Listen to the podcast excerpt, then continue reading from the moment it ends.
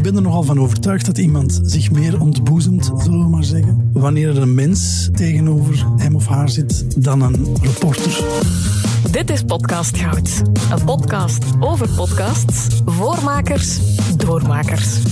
Ik ben Shalini van de Langenberg, creative producer bij podcastagentschap Uitgesproken. Je kan me kennen van Mercury Mysteries, Missy McCartney of The Sorting Hat Revisited. Achter de schermen werkte ik mee aan podcasts zoals Grensverleggers, Clubnet en Zot Schoon. In deze podcast ga ik op zoek naar goud. Podcast goud. Wat dat juist is, dat is moeilijk om uit te leggen, maar je weet het als je het hoort. Soms kan je dat zelfs voelen. In je lijf, tijdens een opname of als je naar een podcast luistert. Maar hoe maak je podcast goud? Waar vind je de verhalen? Hoe herken je een gouden idee en hoe ga je ermee aan de slag?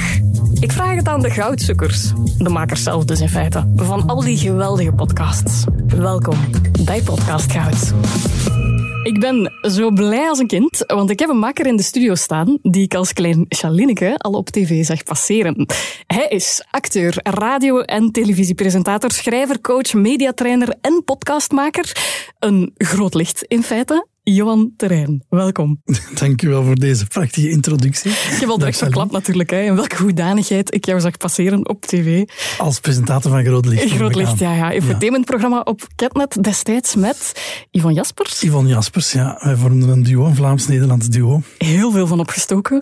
Ik liet in dat indrukwekkende cv-lijstje podcastmaker vallen ook. Jij dacht, ik zwier er nog een extra platform bij, waarom ook niet?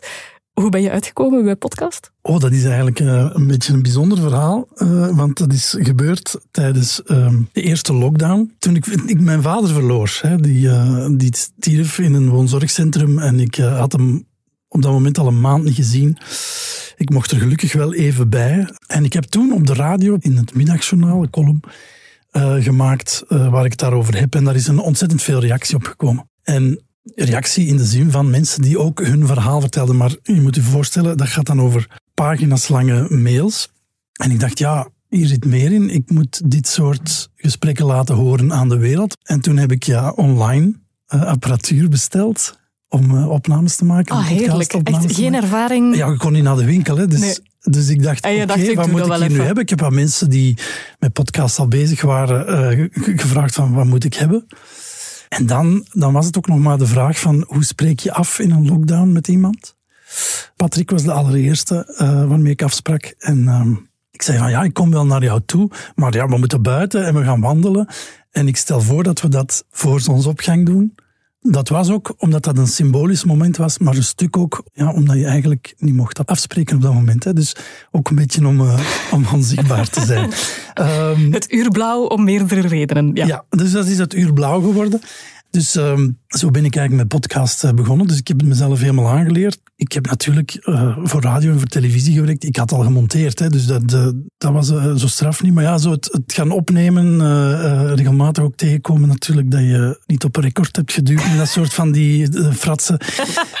dus dat heb was... je meestal maar één keer voor. Hè, dan. Ja, dat heb je maar één keer wel. voor. En ja. die keer die onthoud je ook inderdaad. Maar zo ben ik erin ingestapt eigenlijk, ja. Je hebt het al laten vallen. Hè? Luisteraars kunnen jou kennen van Het Uur Blauw, de podcast. Ook van Seks verandert alles en tot onze grote spijt. Dat zijn podcasts die, naar mijn gevoel alleszins, een hele grote gemeenschappelijke deler lijken te hebben. Namelijk een gigantisch grote interesse in de gevoelswereld van de gemiddelde mens. Vat dat dat zo goed samen voor jou? Tuurlijk. Ik ben een verhalenverteller, hè? dus uh, dat is eigenlijk de, de essentie van verhalen gaat daarover. En ik ben zelf nogal een gevoelige man. Dus ik moet daar ook voor mezelf mee leren omgaan. En ik gebruik mijn projecten en mijn podcasts eigenlijk ook een beetje om dat voor mezelf te doen. Dus ik moest beginnen rouwen om mijn vader en heb daar dan maar een heel project van gemaakt. Ik had ook spijt en daar is dan ook tot onze grote spijt uitgevolgd. Je hebt bijvoorbeeld, als je vader sterft, spijt dat je er niet meer mee gebabbeld hebt, bijvoorbeeld. Mijn vader was een zwijgzame man. Ik ben ook onmiddellijk met mijn moeder gesprekken beginnen voeren. Mijn moeder die Alzheimer heeft, waarvan het geheugen aan het vertrekken is. En ik dacht, daar moet ik wel nog op tijd zijn. Dus, um, en een van de vragen die ik haar stelde was, heb je er spijt van in het leven? Het antwoord daarop ga ik nog even voor mezelf houden, maar wordt uh, gegeven in de theatervoorstelling, die dus in première gaat. Maar dus dat interesseerde mij bijzonder en ik ben ook op een bepaald moment zelf s'nachts wakker geworden met een gevoel dat nogal knagend was en dat ik identificeerde als uh, spijt. En daar ben ik dan naar op zoek gegaan. Ja, je hebt het laten vallen, theatervoorstelling. Je staat op het punt om op de planken te gaan met, tot onze grote spijt, de theatervoorstelling. Want dat is dus niet alleen een podcast, maar ook een voorstelling geworden. Hoe vullen die twee elkaar aan? De voorstelling is een soort uh, conferentie, een geestige conferentie ook. Hoewel het een thema is dat de meeste mensen zwaar vinden, wordt het daar licht gebracht. Ik ga met mensen spreken om iets te leren over hoe dat werkt. Uh, en mijn eigen spijt, dat een beetje door elkaar verweven. Dus ik sta alleen op het podium, maar de mensen met wie ik gesproken heb, zijn daar stemgewijs ook aanwezig. Dus voor een stuk komt de podcast mee het podium op. En dat heb, had ik al gedaan bij het Blauw. En ja, dat werkte zo goed dat ik dat, nog eens, uh, dat systeem nog eens wou uh, hanteren. Oké, okay, binnenkort dus te ontdekken in het Theater Near You, uh, te beluisteren als podcastreeks. En nu onder de telescoop vandaag in Podcast Goud tot onze grote spijt. Een podcast van Johan Terrein met steun van het Nieuwsblad over spijt en hoe we dat een plek kunnen geven in ons leven.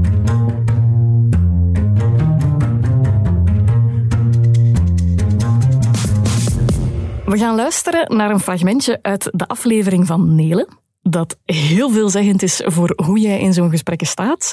Heel even voordat we daarin duiken, de context schetsen voor we luisteren. Wie is Nele? Wat is haar verhaal? Nele heeft spijt dat ze haar vader niet beter gekend heeft. Uh, haar vader is, uh, toen ze heel jong was, uit het gezin weggetrokken, had een alcoholprobleem.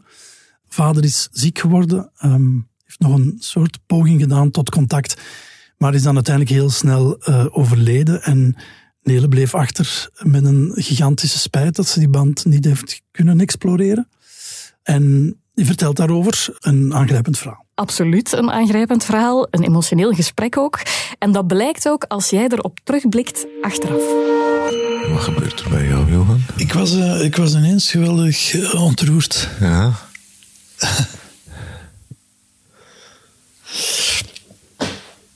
ja, fucking, hij gebeurt terug. Um, ja, dat is gewoon een kind die uit iemand voortkomt. Mm -hmm.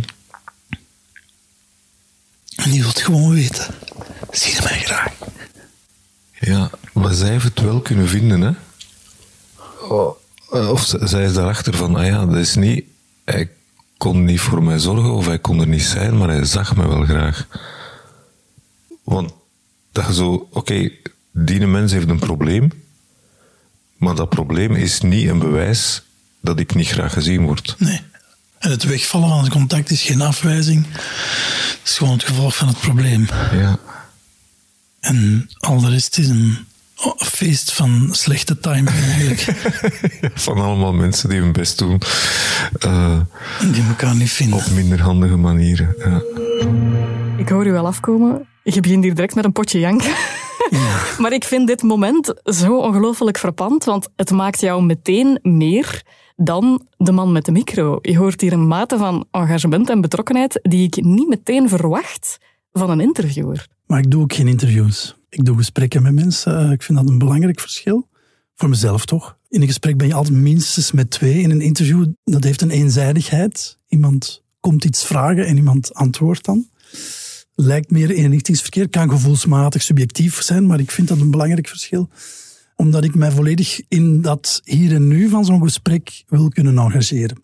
Ik ben er nogal van overtuigd dat iemand zich meer ontboezemt, zullen we maar zeggen, wanneer er een mens tegenover hem of haar zit dan een reporter. En dat wil niet zeggen dat ik mij ook altijd helemaal blootgeef in zo'n gesprek, want dat zou nogal opdringerig zijn. Ik bedoel, het gaat uiteindelijk wel over het verhaal van die, van die ander. Maar die betrokkenheid is toch wel echt groot. En soms gebeurt het dan, zoals in het fragment dat je dan net hoort. Dus ik ben dan al weg bij die persoon die ik gesproken heb. En ik kom met het verhaal bij Randal. En dat is natuurlijk, Randal is een goede vriend van mij. Is ook, denk ik, een van de enige mensen die mij die vraag zou stellen waarmee hij begint. Namelijk, wat gebeurt, wat gebeurt er nu met jou? Uh, dat is natuurlijk een zeer ontwapenende vraag. Dat is een alertheid van jullie allebei. Van, ja. Je kan daar niet van weglopen als je die vraag krijgt. er zit een emotie heel erg hoog en die gaat er nu uitkomen. Voilà, en dan gebeurt dat ook. Dus ook in, in ja, dat engagement zit natuurlijk ook in de gesprekken die ik met hem achteraf voer. Als ik het jou zou horen vertellen, het is meer dan een kwestie van semantiek. Hè? Je zegt heel doelbewust, nee, nee, het is geen interview, het is echt een gesprek. Ja. Hoe heeft dat impact op hoe jij dat wil benaderen, dat verhaal of dat gegeven of die podcast? Het effect daarvan is, eh, of dat engagement gaat over het in het gesprek gaan en het zo goed luisteren dat in elke zin die gezegd wordt een nieuwe vraag oppopt.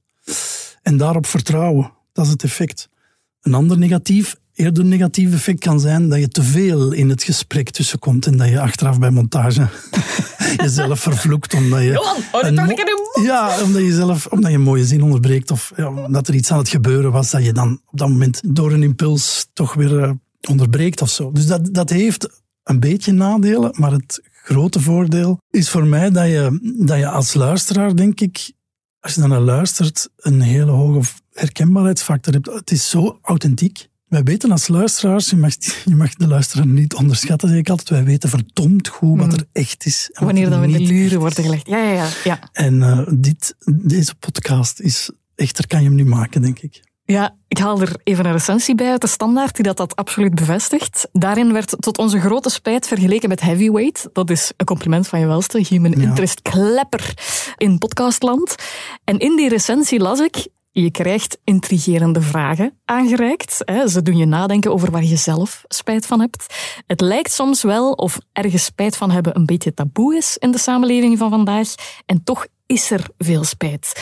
En dan denk ik, of tenminste, ik weet ook niet of dat, of dat dat de ambitie was van de podcast, maar een fijn neveneffect misschien om dat soort gesprekken ook open te breken, ook buiten puur het bestaan van die podcast of het maken van die podcast. Dat was zeker de, het opzet en de bedoeling. Is het bespreekbaar maken van dingen die moeilijk bespreekbaar zijn of die gewoon lastig zijn om te ervaren, zoals afscheid nemen, rouwen en spijt. En we zijn nogal gewend in deze samenleving om, eh, om dat allemaal wat weg te proppen, om, eh, te, om te leven in een zo positief mogelijke wereld. En ik zelf ook, ik, ik pleit schuldig, ik heb lang ook gezegd, eh, spijt is nergens voor nodig. Dat heeft geen zin. Alles gebeurt voor een reden. Dat soort van zinnetjes waarmee je eigenlijk jezelf zo wat zit te sussen. En dus, wat deed ik als gevolg daarvan? Alles wat negatief was, wat wegduwen. En eigenlijk werkt dat, werkt dat averechts. Ben tot de ontdekking gekomen, zeker door deze podcast, dat het wegdrukken van spijt helemaal niet moedig is. Het is doen alsof je moedig bent. En het echte positief in het leven staan is kunnen kopen met alles wat lastig is. En erdoor, door die emoties. En daarna of erin kijken. zitten en of zo. kijken. Ja. erin gaan zitten heeft niet zoveel zin. Maar het, allee, bedoel, dat klinkt nogal passief. Eh, alsof je in een bad vol spijt gaat zitten, een weekje zo.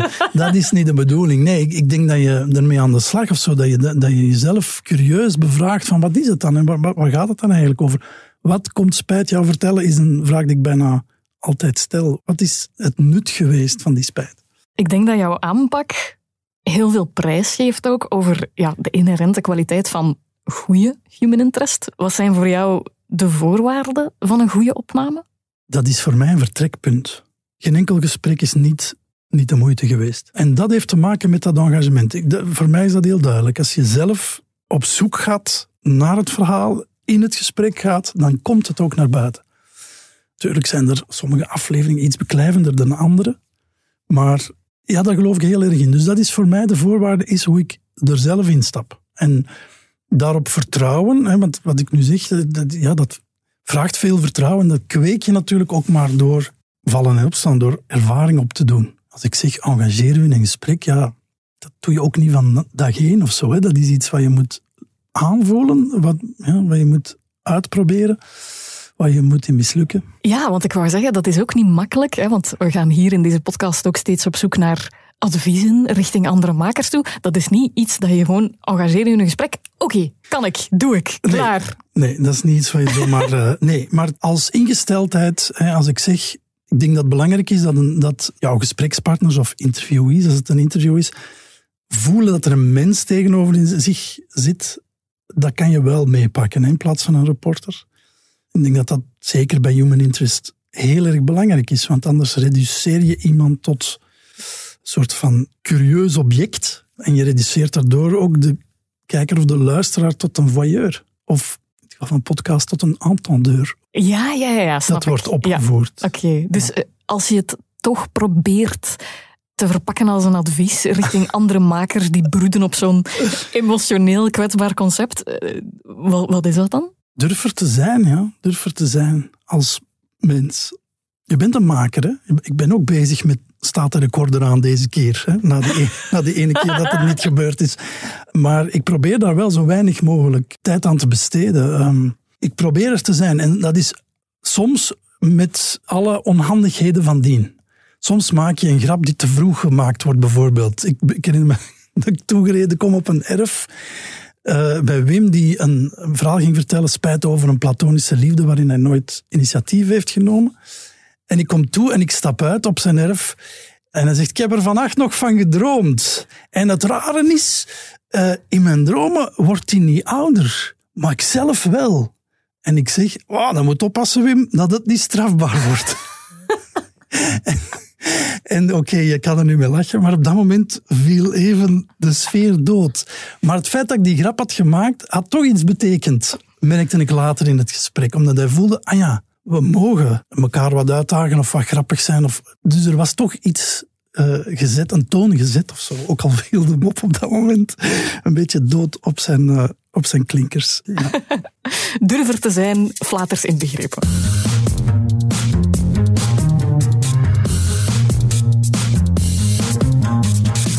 Het volgende fragment ligt enigszins in het verlengde van het vorige. We luisteren naar een stukje van het relaas van Wim. Wat moeten we weten over hem? Dus Wim is van zijn twaalfde tot zijn 22e platonisch verliefd geweest op hetzelfde meisje. Dus wat wil zeggen, hij heeft nooit iets durven zeggen.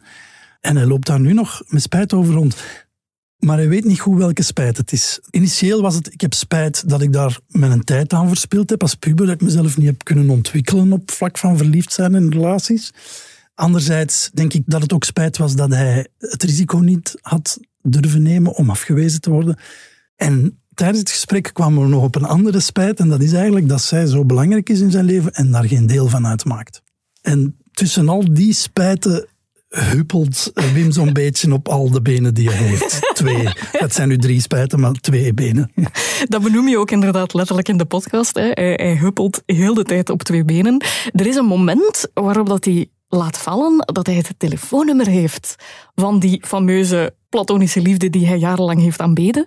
Maar als jij dan vraagt waarom hem daar dan niet naar belt, dan krijg je dit. Ik zou het te opdringerig vinden. Ah ja, dat is schroom. Ja, maar schroom, schroom het, is, het is geen schroom. Het is, nu, is, nu is het echt niet van niet durven. Alhoewel, nu, nu komen we op een gevoelig punt. nu komen we op een gevoelig punt. Ik ga er toch op doorgaan. ja, ik weet het. Ja, ik Sorry, weet het. Ja, ik weet het. Sorry, ik weet het. Ik heb ook graag achteraf slaan. Ja, ik vind dit dus, ik vind dit dus keigoed, hè. Zo'n moment, dat is echt je gut feeling volgen, je eigen impulsen. Eigenlijk wil je gewoon bellen, hè. Ja, die telefoon, dat was echt spannend eigenlijk. Die lag daar heel de tijd. En ik wist eigenlijk al vrij snel in het gesprek, hij heeft haar telefoonnummer nog. Een beetje schuren is dat toch? Ja, ik zat er tegenaan te schuren. Ik wou het ook vragen en dan ook weer niet van bel ze dan toch. Enfin, ik, ik breng het ter sprake. Ik heb hem nooit daartoe eh, uitgedaagd of zo tijdens het gesprek. En dat zou ik dan precies een stapje te ver gevonden hebben. Maar eh, dat, gaf wel een soort van spanning, ook, ook bij hem. Zo, dat besef van, ja, wat wil ik nu eigenlijk? Wil ik nu dat ze, dat ze een deel wordt van mijn leven of niet? Dan moet ik haar bellen en dan moet ik terug door die angst. Dat is ook een vorm van afwijzing. Wat iets superbelangrijk is voor hem, kan voor haar een compleet detail zijn. Dus daar, daar wou wij absoluut niet meer doorgaan. Hij had een ideaalbeeld van haar gemaakt. En dat wou wij liever in stand houden. Dat was ook de conclusie van het gesprek. Ik, ik zei op het einde ook van... eh, ik, ik was een beetje SOS eh, Johan vandaag, hè, zoals Piet destijds. Dus ik doe de rescue van kom mij van deze spijt afhelpen, maar ik moet hem toch hier laten. Je houdt hem bij. Ehm, maar ja, impulsen volgen is, is wel een belangrijke. Is misschien ook een tip voor makers. Want het is natuurlijk leuk als er dingen gebeuren in een gesprek. En in het gesprek met Wim gebeurde er heel veel. Er was de spanning met die telefoon. Een beetje later kwam zijn vrouw ook binnen. En ik dacht, oeh ja, dit gaat ongetwijfeld het gesprek beïnvloeden, want we gaan daar niet meer open over spreken natuurlijk als zij in de buurt is. Maar het tegendeel is waar. Ze zet zich een beetje uh, met een teentje aan de zijkant en af en toe komt ze tussen in het gesprek. Ze luistert mee en af en toe zegt ze dingen als, we hebben nog aan haar deur gestaan. Net op het moment dat hij zegt, het is echt, allez, het is afgesloten. Het is, het is ja, ja. echt afgesloten we hebben nog aan haar deur. Dus ja, dat allemaal uh, kunnen laten gebeuren. Het niet uit de weg gaan ook van vragen. Het, wat ik in het fragment zeg van, oké, okay, het is gevoelig, maar je weet, ik ga ja. daarop door. Ik ben zo. Ja, ik soms, soms moet je ook durven koteren, toch? Ja, maar dat is niet koteren om te koteren. Dat is koteren omdat het mij zo hard interesseert. Ja. En dat voelt Wim. Dat is opnieuw dat engagement, hè? net ja. omdat je eigenlijk echt betrokken bent bij het, ja, wat is dat dan, het welzijn van je gast. Dat je alleen maar denkt, kom aan. Wim voelt mijn nieuwsgierigheid, maar voelt ook dat het allemaal niet zo zwaar hoeft te zijn. Ja. Ik, ik, zeg dan ook van, ja, je mag me slaan als je wilt. Maakt allemaal niet uit. Maar laat ons, laat ons het erover hebben. En zo, ja, met een beetje, een beetje wat geplaag en gestoot, en een beetje gelach, ja, opnieuw kom je wel op, ja, ja. op, de essentie of zo. Opnieuw kom je daar misschien wel tussen het verschil enerzijds tussen jij als mens die Wim bezoekt versus Johan de reporter. Die, voilà. Je hoort in dit fragment heel goed dat er geen reporter zit. Ik kan me voorstellen dat zo'n reporter ja, dat misschien wel zegt, maar dat zeker niet in een uitzending zou steken. Reporters zijn ook dikwijls heel erg op de achtergrond. Het is ook aan mij niet gegeven om op de achtergrond te blijven.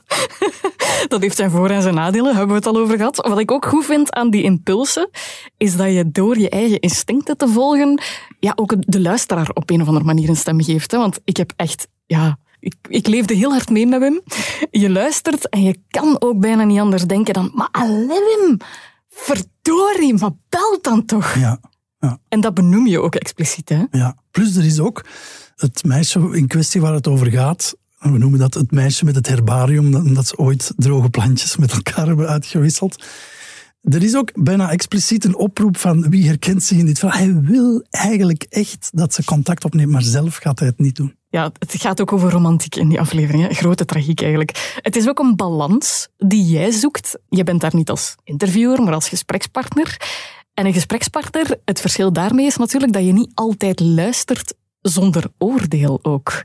Dat je bijna niet anders kan dan je eigen gevoelens daar op een of andere ja. manier in te verwerken. Of maar zo. er is een verschil. Hè? Dus, dus, dus wat je nu zegt is, ja, dat zou dan altijd onmiddellijk een oordeel moeten zijn. Nee, ik kan perfect zeggen wat mij opvalt.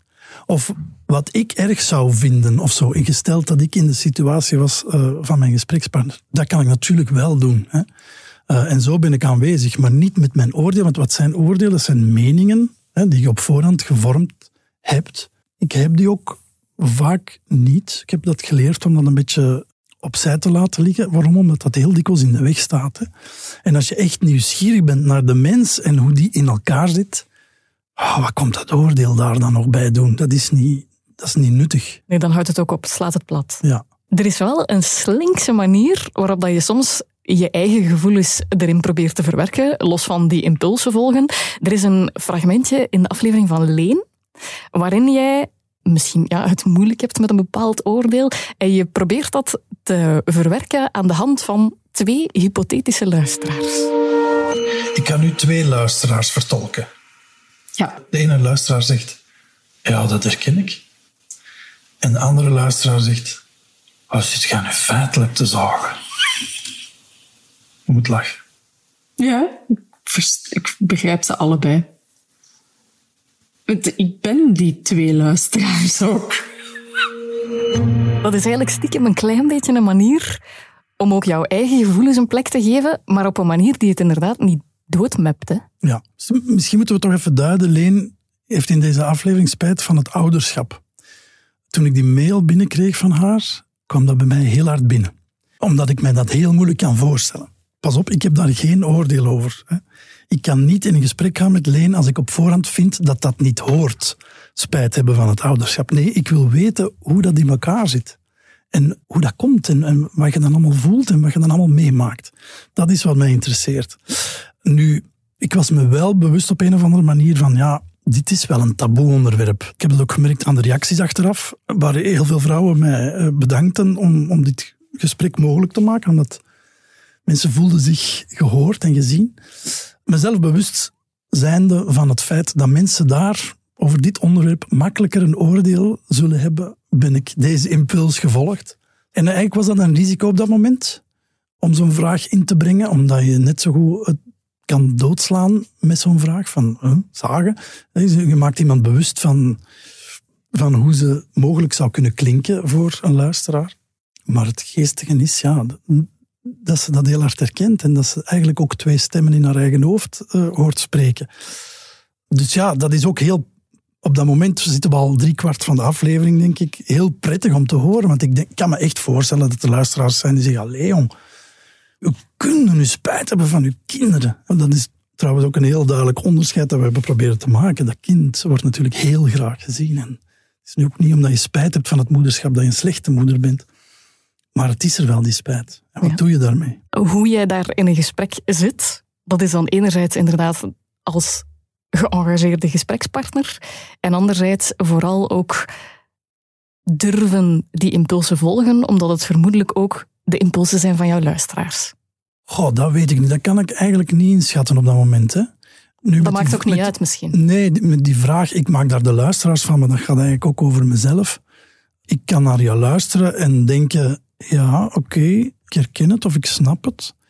Maar ik kan ook naar jou luisteren en denken, oh, jongens, Allee, het is nu zo, je zijn uw moeder. Uh, maak daar iets beste van, zeg. Uh, ik noem dat ook in de aflevering. Eh, het gras is altijd groener in het leven dat je niet aan het lijden bent. Dus ik kan dat voelen ineens. En dan gebruik ik dat en dan giet ik dat in die vorm.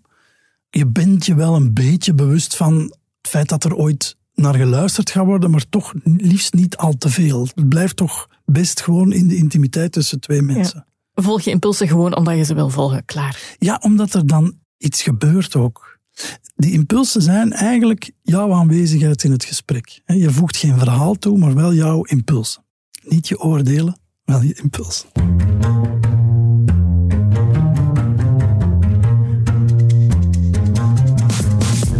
Voor het laatste fragmentje keren we nog heel even terug naar Wim, die zijn platonische liefde vermoedelijk pas belt op zijn sterfbed. Je trekt met dat gesprek richting Randal Kazar en jullie reflecteren samen over het gesprek dat jullie hebben gevoerd. Hij heeft een hele mythe rond zichzelf kunnen maken. Mhm. Dus hij maakt daar een prachtig gebouw van door een beetje kwetsbaar te zijn tegenover iedereen, behalve tegenover die ene dame. Daar wil hem niet kwetsbaar tegen zijn. Precies niet. Nee. Ja. nee, want daar kan het ideaalbeeld, want je zegt het zelf, dat gecreëerd is, kapot gemaakt worden door haar reactie. Mhm. Dus misschien moeten we wel vaststellen dat er geen spijt is. Jullie komen hier tot een soort gezamenlijke conclusie. Jullie reflecteren samen over dat gesprek. Er komen geen experts aan te pas. Dat lijkt mij een heel doelbewuste keuze geweest. Jazeker. Ik was qua verhaalstructuur eh, op zoek naar uh, een manier om een verhaal te vertellen in een soort crosscut, zeg maar, te kunnen onderbreken. Eigenlijk is dat uit een hele luie reden ontstaan, omdat ik op het uurblauw zoveel moeite had bij het monteren. Dat was buiten. De vogeltjes floten, de ondergrond waar je op stapt verandert elke vijf seconden. En dan, dat, dat maakt het monteren redelijk onmogelijk. Dus ik wou eigenlijk dat vermijden en ik was op zoek naar een manier om het verhaal te vertellen op twee levels. Het echte verhaal en dan de reflectie daarover. Maar ik wist vrij snel, ik ga er geen deskundigen of psychologen op loslaten, want dan is dat precies alsof je die mensen hè, op een sofa legt en begint te ontleden. Die er zelf ook niet om hebben gevraagd. Die daar niet om hebben gevraagd, voor alle duidelijkheid. Dus dat moest het zeker niet worden. En ja, Randal, ik ken hem. Hij, is, hij coacht mijn voorstelling, hij, hij illustreert mijn boeken. Ik heb vaak dit soort gesprekken met hem ik dacht, ja, dat kan niet mislopen als ik hem die fragmenten voorleg. Dus daarin vullen we elkaar ook een beetje aan. Dus ja, na één keer eh, proberen wist ik meteen, ja, dit, zo moet het zijn. Waarom waren die reflecties zo belangrijk? Ergens helpt dat om een beetje te communiceren ook wat het waardevolle is in een verhaal. Om het daarover te hebben om een verhaal niet enkel als iets dramatisch of als iets heel leuks uh, of als iets heel ergs te zien, maar ook als iets wat boeiend is en waar, waar je iets uit kan leren. Wat ook universeler is dan enkel dat particuliere verhaal. Klopt, ja. Dat wij allemaal min of meer zo zijn. We maken andere dingen mee. Maar we herkennen vaak, in elk verhaal herken ik dingen van mezelf, van mijn eigen leven. En als je dingen meemaakt die niet prettig zijn of die lastig zijn, spijt is iets wat nogal lastig is, helpt het ook om op dat level te gaan staan en, en, en zo naar jezelf te kijken. En ook om een beetje een soort meta-bewustzijn te hebben van oké, dit maak ik nu mee. Ja, dat is niet plezant, maar kijk, wat kan ik eruit leren? Zo, hè, op die manier te kijken naar je gevoel. Dat helpt eigenlijk heel hard. En dat wou ik ook laten horen. Dat dat mogelijk is om op die manier met je eigen lastige gevoelens om te gaan. En dat het dikwijls maar een goede, emotioneel intelligente vriend vraagt om dat soort gesprekken te hebben. Wij hebben die zo weinig. Therapie met twee is eigenlijk. Ja, maar dat gaat goed. Hè. Als je dezelfde taal een beetje spreekt, dan zijn die gesprekken superboeiend, absoluut. En zeker zo therapeutisch als een therapie. Enfin, nee, dat mag ik misschien niet zeggen. Maar dan heb je misschien inderdaad geen ologen nodig om zo'n extra laag toe te voegen. Nee, absoluut niet. Alleen in deze podcast denk ik dat het net helpt dat we eigenlijk ook maar uitvissen. We doen de motorkap open en we zien er de mechaniek van spijt, maar het is, we zijn geen garagisten. Dus het is een soort ja, experiment of zo. En dat maakt het ook ongevaarlijk. Ja, ja want inderdaad, want je zegt van hè, wij zijn geen garagisten, maar je pretendeert het ook helemaal niet te zijn. Hè? Nee. Het is echt gewoon. Wij zijn mensen, twee Ja. mensen die reflecteren over een verhaal dat we net hebben gehoord. Maar zo werkt het, ja, zo werkt het het best voor mij. Ja. Het is ook weer zo'n torenhoog cliché in de podcastwereld. Maar ja, authenticiteit is daarin cruciaal. Hè? Ja, en voor mij ook het allerbelangrijkste of zo. Ik heb dat als ik zelf luisteraar ben ook. Ik hoor onmiddellijk wanneer er iets in scène is gezet. Ik voel me dan een beetje ja, bedrogen eigenlijk. Ja. Ja, ik voel dat nogal sterk aan. Ik vind het ook heel erg belangrijk. Zeker in de thema's die ik aanboor, hoort dat niet thuis om, om, eh, om dingen in scène te zetten of dingen vooraf af te spreken. Of, of, nee, het is, eh, ja, het is wat het is. Ik vind dat, ja... Ik zit daar een beetje te veel op te hameren, denk ik, maar ik vind dat heel belangrijk, ja. Ja. Dus als je dat zou proberen samenvatten, die vorm die het uiteindelijk geworden is, heel doelbewust, is dat dan gewoon reflecteren gaat beter met twee? ja sowieso, hè. Is dat zo? Ja. Ja, zelfreflectie gaat ook, maar ja, ja, je zal dat toch wel herkennen. Ik coach mensen, maar ik kan mezelf moeilijk coachen hoor, dat gaat niet.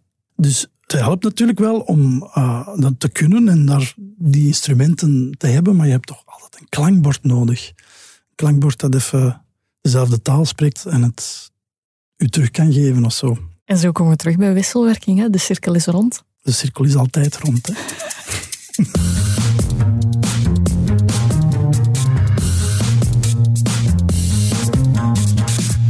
heb hier al een liefde ontdekt voor de innerlijke psyche. Ik heb een eh, pleidooi gehoord voor kwetsbaarheid en ook de expliciete vraag om geëngageerd in een gesprek te staan, te luisteren, uw tijd te pakken. Dan ben ik nu op dit moment, Johan, vooral super benieuwd welke podcast die waarden in een goede manier reflecteert. Welke podcast wil jij aanraden aan ons? Ja, een podcast waar ik tegenwoordig heel vaak naar luister. Het zal je niet verbazen dat ik nogal val voor goede gesprekken. Oh, leuk hè? Ehm, eh, dus een, een podcast waar ik heel graag naar luister eh, op dit moment is eh, Ervaring voor Beginners. van Theo The- Maas. Theo Maas, Ja. Die ook met makers spreekt, maar dan iets ruimer. Het zijn niet alleen... hij spreekt met podcastmakers, maar hij Ik ben nog meer in de niche gegaan ja, dan de hij Theo. spreekt met Ja. makers in het algemeen, comedians, schrijvers, ja, mensen die iets maken. Ik ben tegenwoordig nogal terug goed aan het lopen. Ik, ik loop dan 10 kilometer, dat is ongeveer een uur. Dus ik heb dan heel graag een podcast die netjes een uur duurt. En wat is nu het format van Ervaring voor Beginners? Theo Maassen zet een eierwekkertje op in het begin van het gesprek. En het mag exact één uur duren en, gaat gewoon het gesprek aan.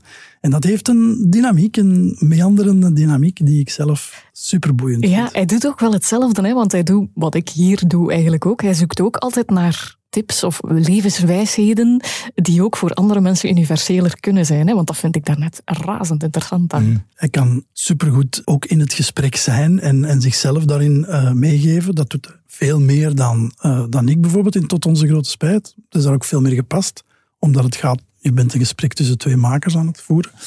En achteraf heb je altijd zoiets van, oké, ja, boeiende mens leren kennen. Interessante gedachten om bij te houden. Eh, dus daar heb je wat aan, ja. Ja. Ervaring voor beginners dus. De gouden podcasttip van Johan Trein, die mag bij deze op de luisterlijst van iedereen die dit luistert. Tot onze grote spijt, ik, ik was aan het wachten om het te gebruiken, tot onze grote spijt zijn we daarmee helemaal rond voor deze podcast goud. Enfin, het is te zeggen, eerst bedank ik graag jou nog, hè, Johan, voor jouw tijd, jouw inzichten en het schone luistergif vooral. Dank je wel. Graag gedaan. En met tot onze grote spijt heb je sowieso nog ettelijke uren fijn podcast goud in de oren. In afwachting van de volgende aflevering van deze specifieke podcast. Waarmee weer onbeschaamd de best practices kunnen worden gepikt van de beste podcastmakers van het land elke maand opnieuw. Abonneren mag, reviewen of sharen is nog beter. En eender welk berichtje de deugd om de podcast te boosten. Heel erg bedankt en graag tot de volgende aflevering van Podcast Goud.